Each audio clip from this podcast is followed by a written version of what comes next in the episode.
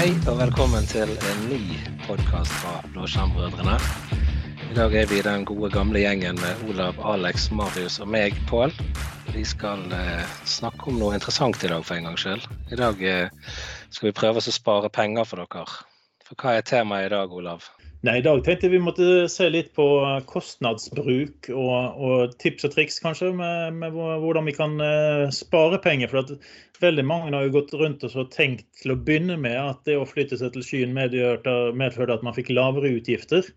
Uh, og i noen tilfeller så ser man jo helt klart det. altså Hvis vi tenker flytt exchange-serveren din over til uh, Office 365, så vil du ganske fort finne ut at du sparer på det. Mm. Eh, men eh, det er jo ikke alle sammenhengene hvor man kan ta den parallellen, hvor man snarest tvert imot ser at det kan bli dyrere, men mer forutsigbart, kanskje. Ja, og det er faktisk sånn at av og til så bruker vi litt mer penger enn vi må bruke. Fordi at vi setter opp ting, og så kjører det og går og spinner og tenker gjerne ikke over det så mye. sant? Men der har vi noen gode verktøy. Ja, altså, altså for det går egentlig litt hvis, hvis, vi tenker oss hvordan kjørte du dette her tidligere? Altså La oss gå tilbake igjen og se på i, i, gode Om de var så gode dager, men i hvert fall i gamle dager. Eh, så mhm. kjørte vi jo alt lokalt. Eh, mm. og da hadde det sjelden noe å si at vi lot eh, alle de 50 serverne vi hadde, stå og kjøre. Det var ingen grunn til å slå dem av. Spesielt ikke hvis de var virtuelle, så slo man dem ikke, egentlig ikke av. Eh, Kanskje noen kroner i strøm. Mm. Ja, sant? Altså, var, strøm har ikke vært så dyrt i Norge til at det liksom var en jager for oss. Eh, men det blir jo litt annerledes med en gang vi flytter maskiner ut i skyen. Mm, absolutt. Og når du ser eh, en liste over servere i Asher, så står det test 001, test VM, test eh, diverse. Så er det kanskje folk som har satt det opp en eller annen gang, og så har det blitt stående og gå. sant? Mm. Har du noen gode tips på hvordan vi skal få litt kontroll over eh, hvem sine maskiner og hva de brukes til, eh, kanskje, Marius? Eh, ja, det, altså, vi kan jo ta litt hvis vi, hvis vi, tenker litt på hvordan vi har, eh, har gjort det tidligere, i, eller hvordan vi kanskje skulle gjort det tidligere i, i on-prem-verdenen, um, og der har vi jo sett mye, mye interessante løsninger rundt omkring. Men, men um, det som jo de aller fleste har vært dårlige på, er jo er jo det å Når du spinner opp en ny tjeneste, ehm, hvem er det som faktisk betaler for den osv. Det har jo vært veldig mye at IT har vært et rent kostsenter og, og, og sånt rundt omkring. Hvor det er noen som tenker at de skal ha en eller annen tjeneste, og så, og så får IT oppgave å faktisk implementere og sette opp greiene, spinne opp til servere eller hva det nå enn innebærer. Og så, og så har på en måte IT et eller annet interessant budsjett som bare skal dekke en sånn generell datasenterboks av noe slag. Og så, vet du egentlig ikke nødvendigvis um, um, hvem som over tid da, eier den applikasjonen og sånne ting. Så jeg tenker nok at det er en god, en god um, kall det life cycle, da, over de tjenestene som, som um, man oppretter, det er jo vesentlig her. Og der er det jo veldig mange Alex, måter å gjøre det på? Ja, man har jo litt forskjellige måter. Men uh, hva var det du tenkte der, Marius? Hva var favorittnavnet ditt på en server, Alexander? Hva er favorittnavnet ditt på produksjonsservere? Nei, Det er jo selvfølgelig uh, test og temp.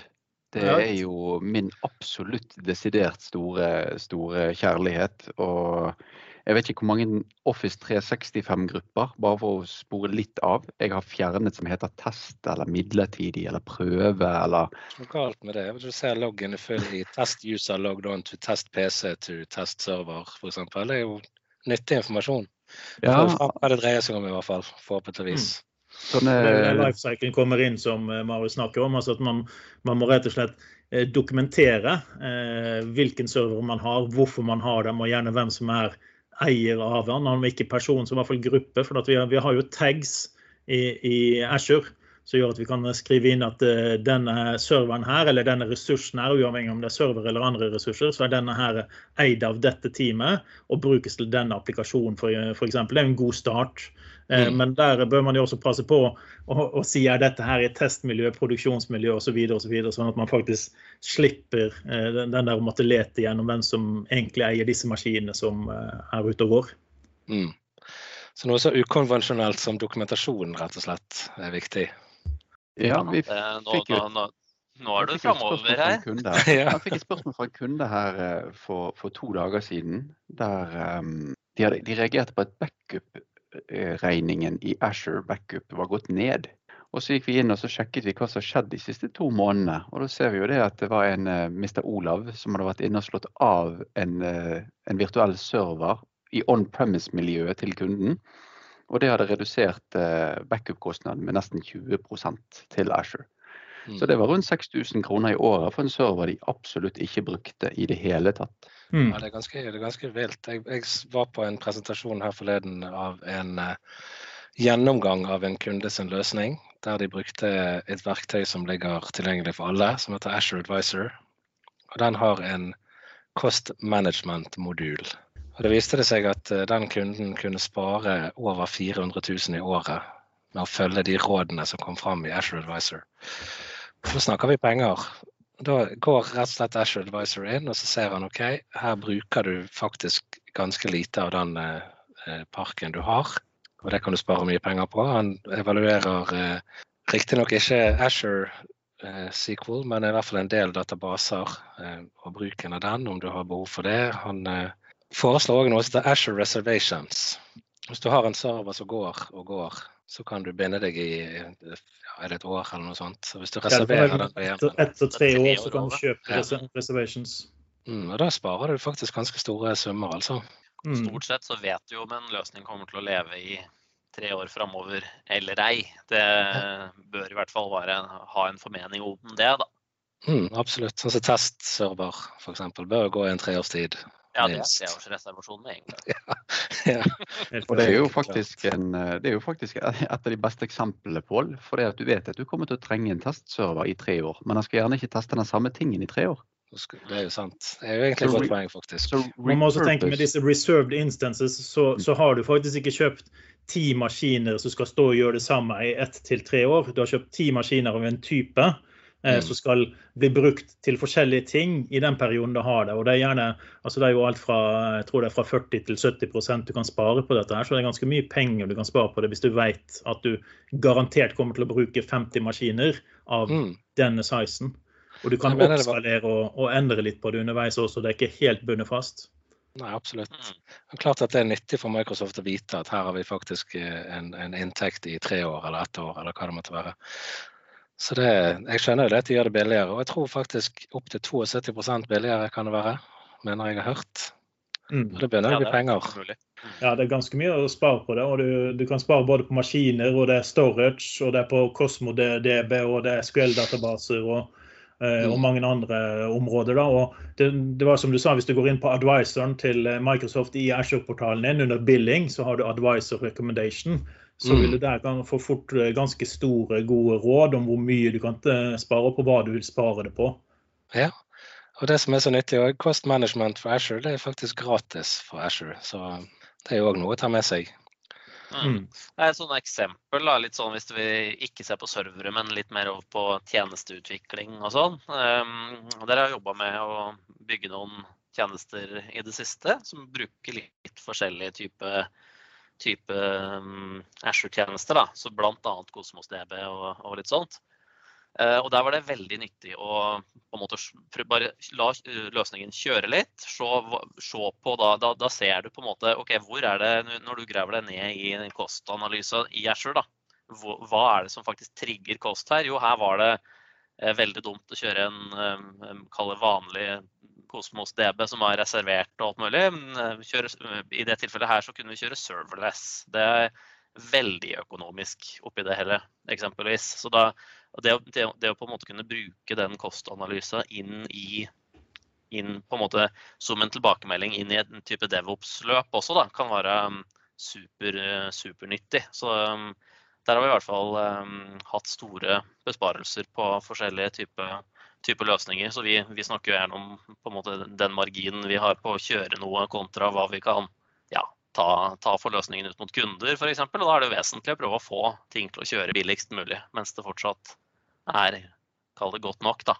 Ehm, så kanskje i noen tilfeller så er eh, en Asher Storage Account godt nok. Du trenger ikke en Cosmos DB eller, I andre tilfeller så er det godt nok med en burstable VM f.eks.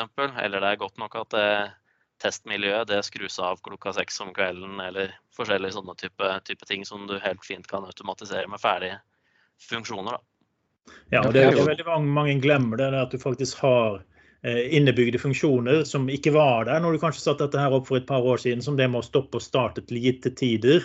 Eh, det er jo en veldig underbrukt funksjonalitet, føler jeg, som faktisk kan spare deg masse penger. Ja, det er et Eh, utrolig den dynamiske burstingen. Sant? Altså, eh, ikke, eh, altså, mange kjøper nå kraftige maskiner for at de skal være store nok til å ta eh, payloaden når han skjer en gang i måneden, og så står han der og er død resten av perioden. Sant? Men Mm. sørg for at den heller er mer dynamisk i det du bruker. Mm. Mm. Ja, og så kan du også over mot sånn autoscaling og sånne ting. Hvis du snakker litt større, større løsninger, da, hvor du på en måte skal levere noe Eller nå, nå vet du at du skal kjøre ut eh, et eller annet, en eller annen kampanje eller et tilbud eller et eller annet sånt, så nå kommer det mye trafikk. Eller nå skal du ha inn skattemeldinger eller liksom et eller annet sånt. Da, da kan du jo kan du jo bruke forskjellig helt ferdig funksjonalitet til nettopp det å skalere opp og skalere ned igjen løsningen. Mm. Avhengig av Veldig gode eksempler der, Marius. Det er jo skattemelding og Black Friday som er veldig nært forestående. Vi har jo alle eksempler på å stå i virtuelle kassakøer. Og alle er lurer, kjempe, kjempefornøyde med det, ikke sant? Mm. jeg lurer på om det blir to meter avstand i den digitale kassakøen òg. Det er derfor det går så sakte. sant? Eller før eh, covid-tiden, konsertbilletter. Det var òg en ting. Du sto og ventet på at de skulle lanseres, og så, akkurat når det er din tur, så bare slutter alt å virke. så de skulle hatt nytte av litt sånn uh, bursting. Men, eh, Men der har du jo ulempen med skalerbarheten. for at sånn som det er nå, så er jo, går jo disse store eventene de blir jo utsolgt på tre-fire minutter pga. at serveren er kraftig til å ta det imot. Så drømmen din brister jo tidlig. ja. Av og til kunne du ha flaks og få en billett en halvtime etterpå bare pga. at det var problemet for alle. sant? Ja, Det var litt sant. artig når vi, når vi hadde ikke, ikke RDS, men den uh, Azure-tjenesten som kom uh, som skulle overta for RDS. Noen som husker hva den heter? Uh, application Hva sa du? Er det DMI application? Ja, nei, det var, det var egentlig en sånn en, en SAS-tjeneste som skulle gi RDS-funksjonalitet. Men det den gjorde, var at den autoskalerte jo og startet opp, botet opp bot, eh, bokser etter hvert som du trengte det.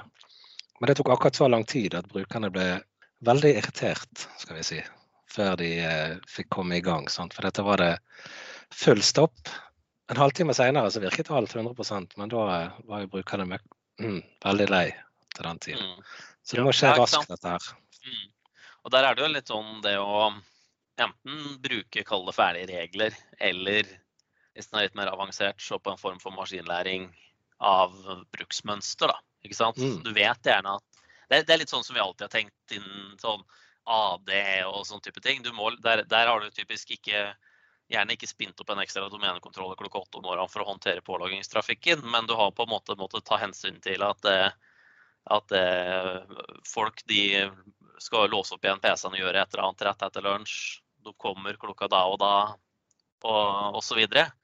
Og det å kunne bruke sånne type kjente bruksmønstre inn, inn eh, i tjenestene, det, det kan være veldig nyttig i forhold til kost.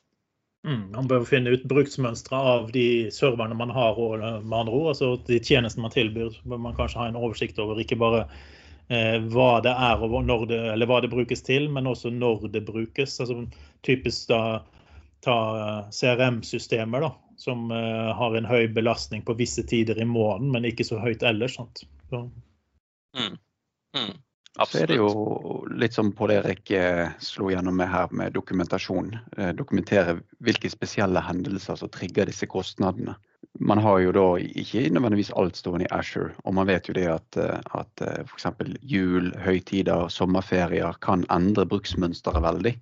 Og finne sammenhengen mellom hvorfor ting blir gjort sånn som det gjøres. Det kan jo være veldig fint å ha inn i et årshjul og gjennom med dokumentasjon. Mm. Og det er jo noen sånne, det er jo noen sånne virus som driver og gjør om på hvordan folk jobber også, har jeg hørt. Ja, plutselig så har man jo sendt et par tusen mennesker på hjemmekontor over natten. Sant? Så, så det, er jo, det er jo veldig smart det å ha en plan på hvorfor man har gjort ting. At ikke det bare er en universal regel. Mm. Mm. Azure Remote App, forresten. Jeg kom på det. Var det, ja. ja. Den satt langt inne, du. Mm. Ble fort glemt. Han fungerte jo veldig bra for små firmaer. var han jo nesten en drøm å bruke, men det er som du sier, det var uh, kunne ta sin tid å spinne opp disse funksjonene. da. Absolutt. En annen ting som jeg tror er veldig vesentlig i forhold til kost og sånn, det er jo på en måte det å få kosten dit den hører hjemme, da.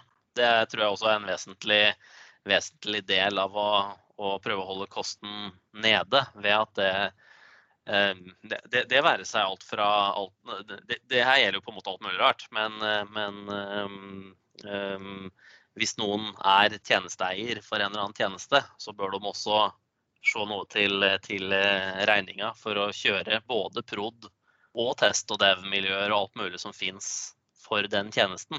Og det her er, I Azure så har du jo ja, du har jo tags, som du nevnte i stad, Olav, og du har jo på en måte flere, flere nivåer du kan, kan uh, kalle det separere de, eller dele de regningene da, opp i, mm.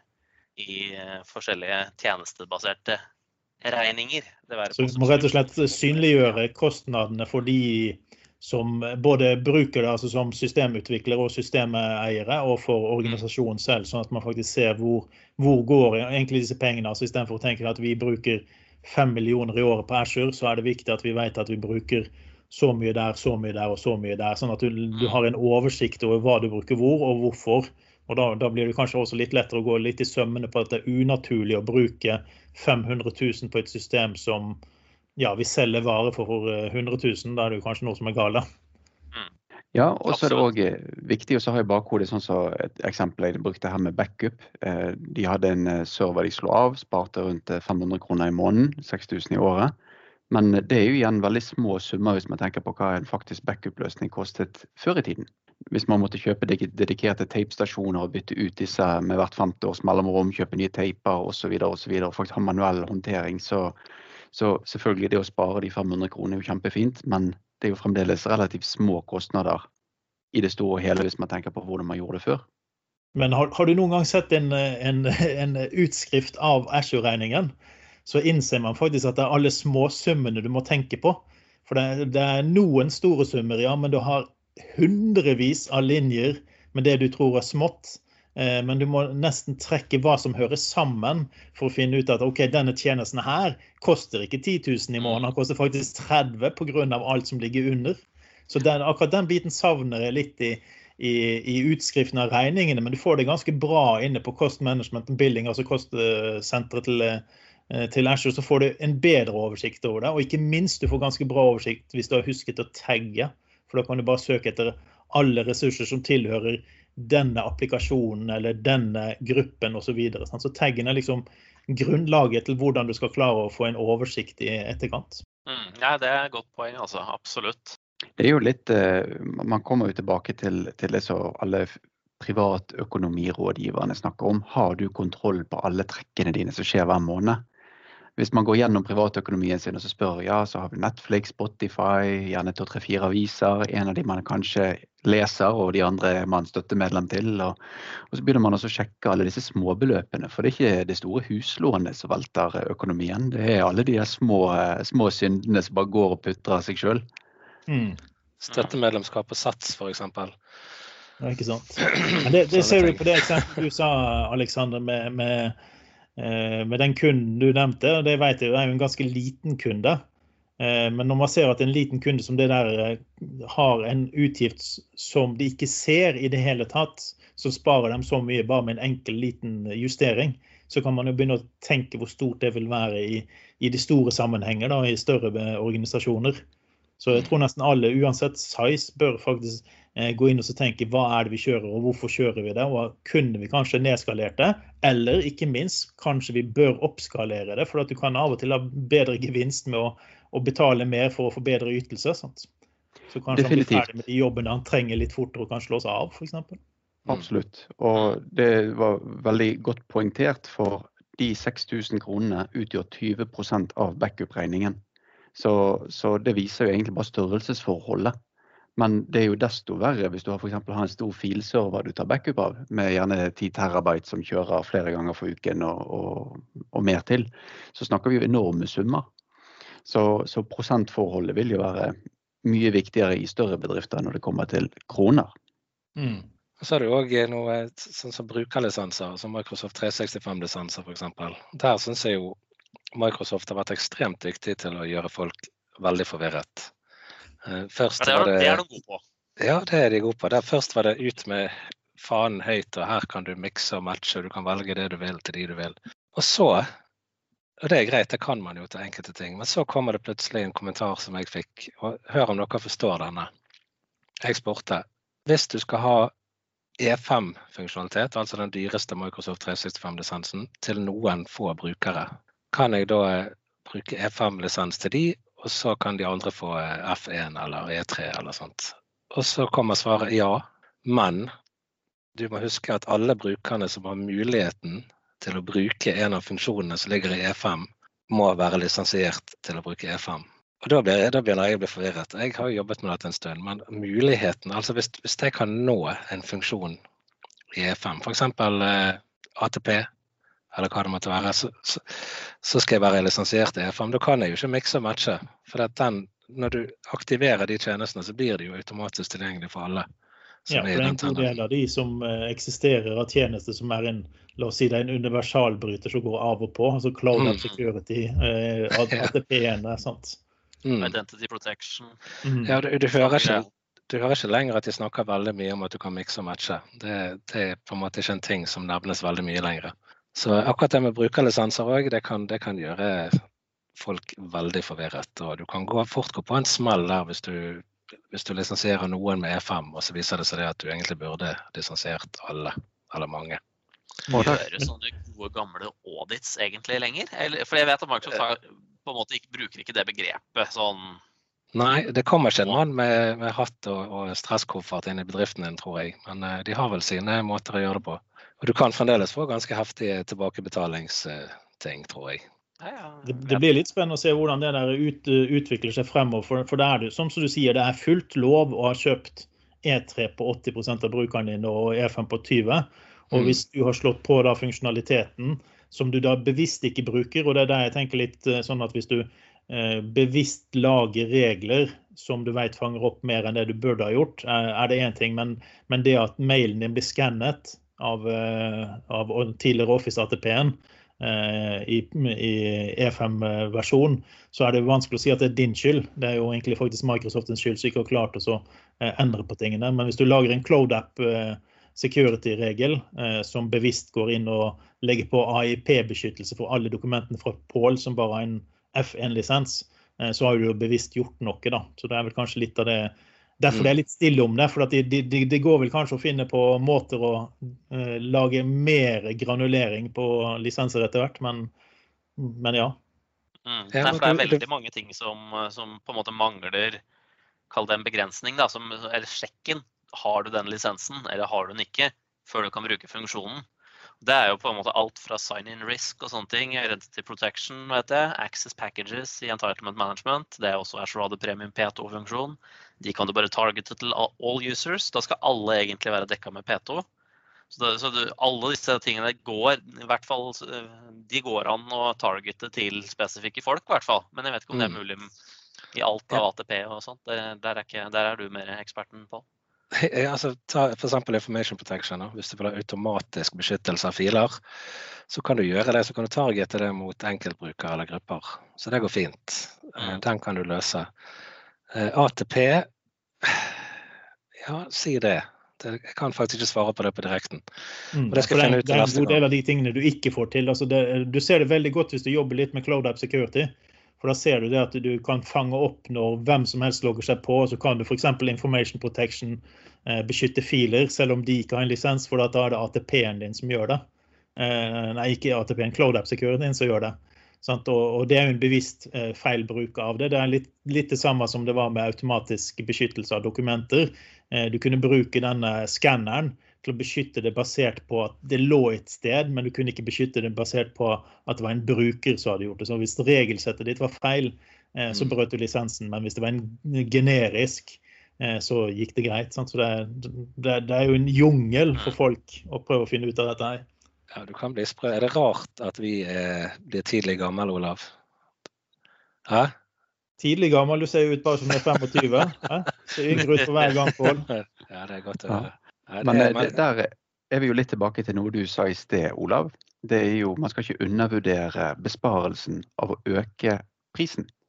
Så det å vurdere om man løfter egentlig hele bedriften opp til Azure ADP2, ikke nødvendigvis den dyre E5-lisensen til Microsoft 365, men bare løfte alle opp til P2 istedenfor å drive micromanagement på smånivå og lage grupper og regler og splitte opp i funksjonalitet, så kan man jo risikere det at det sparer ganske mye penger på administrasjon og forvaltning i, i bakkant. Og ikke bare ikke minst frustrasjon og lisensmøter og interne timer som går med til å finne ut og lytte til podkasten vår for, for, å få svar. Um, og på samme måte så er det òg kanskje en litt sånn skjult ting veldig mange bedrifter kanskje glemmer, og det er å øke båndbredden. Eh, hvis man da skal kjøre backup-jobb eller man skal gjøre arbeidslaster ut mot skyen, så vet vi jo det at båndbredde til business er relativt dyrt. Det er betydelig dyrere enn for konsumer. Men det å øke båndbredden for å bli fort ferdig med en jobb, kan jo spare deg i motsatt eh, side med å la serveren stå på i færre timer. Ja, Når man tenker i disse dager hvor man veldig mange jobber hjemmefra og plutselig bruker VPN, så må man jo tenke over at veldig ofte bruker du dobbel båndbredde for mm. Eh, folkene dine. For at de skal først til kontoret, og så skal de ut fra kontoret. Så du spiser fort opp mye av båndbredden eh, når vi har mye hjemmekontorbrukere i forhold til hvordan det var før, hvis du er basert på VPN, og ikke minst den gamle VPN uten split tunneling f.eks. Ja, definitivt. Så, så, det er mange ting å tenke gjennom. Og det å spare på, på, et par tusen kroner på eh, båndbredde for å bruke 10 000 kroner ekstra på at serveren må stå på i noen timer til, det kan jo vise seg at gjerne ikke er så lurt. Mm. Ja, og de riktige verktøyene til riktige ting. Sant? Altså bare tenk I disse dager hvor uh, ransomware og andre ulym ulymskheter har kommet ut, så kan det faktisk fort vise seg at det kan være lønnsomt å har betalt de ekstra pengene i lisenser av en eller annen leverandør som har verktøy som stopper ransomwaren fortest mulig. Sånn, som f.eks. E5 eller disse security add-onene til E3-brukerne. Sånn at du, du, får den nødvendige ransomware-beskyttelsen. Ja, og dette har vi vel ikke snakket om i noen av podkastene våre. Men meg og deg har jo snakket om dette på foredrag tidligere, Olav. Og veldig mange bedrifter de betaler jo for forsikringer. De betaler igjen behandlingsforsikring for ansatte, helseforsikring for ansatte, inn, altså inventar- og byggforsikring for byggene og maskiner. Og man håper på at man betaler penger man aldri har behov for å trenge. Mm. Eh, og det samme er egentlig en veldig fin måte å tenke på E5-lisensen til Microsoft også. Du betaler for en forsikring. For den dagen du mot formodning trenger den automatiserte beskyttelsen, så har du fått igjen absolutt hver eneste krone du har betalt inn i forskuddsforsikringspoliser. Så se egentlig på det som en IT-forsikring. Men du må jo selvfølgelig ha slått på-funksjonen. Det hjelper liksom ikke med et sertifikat i mailboksen når en eh, burde vært inne i en portal og gjort jobben sin. Og Der kommer det jo faktisk inn til noe annet veldig viktig med, med denne betalingen av lisenser. Eh, det er det at veldig mange har den holdningen om at ja, ja, men det følger bare med gratis. Nei, det følger ikke med gratis. Du betaler det for hele pakken din, så sørg for å bruke de verktøyene du kan mm. bruke. Mm. Eh, så ikke bare se det på som nice add-ons som du ikke har tatt deg tid til å slå på ennå, men finne ut om du faktisk kan bruke dem, og kanskje om du kan ekskludere andre verktøy som du betaler for, og dermed spare penger. Men gutter, nå har jeg binget. Og jeg har eh, binget det som eh, vi kalte en audit, som Microsoft kaller for en Microsoft License Compliance Verification.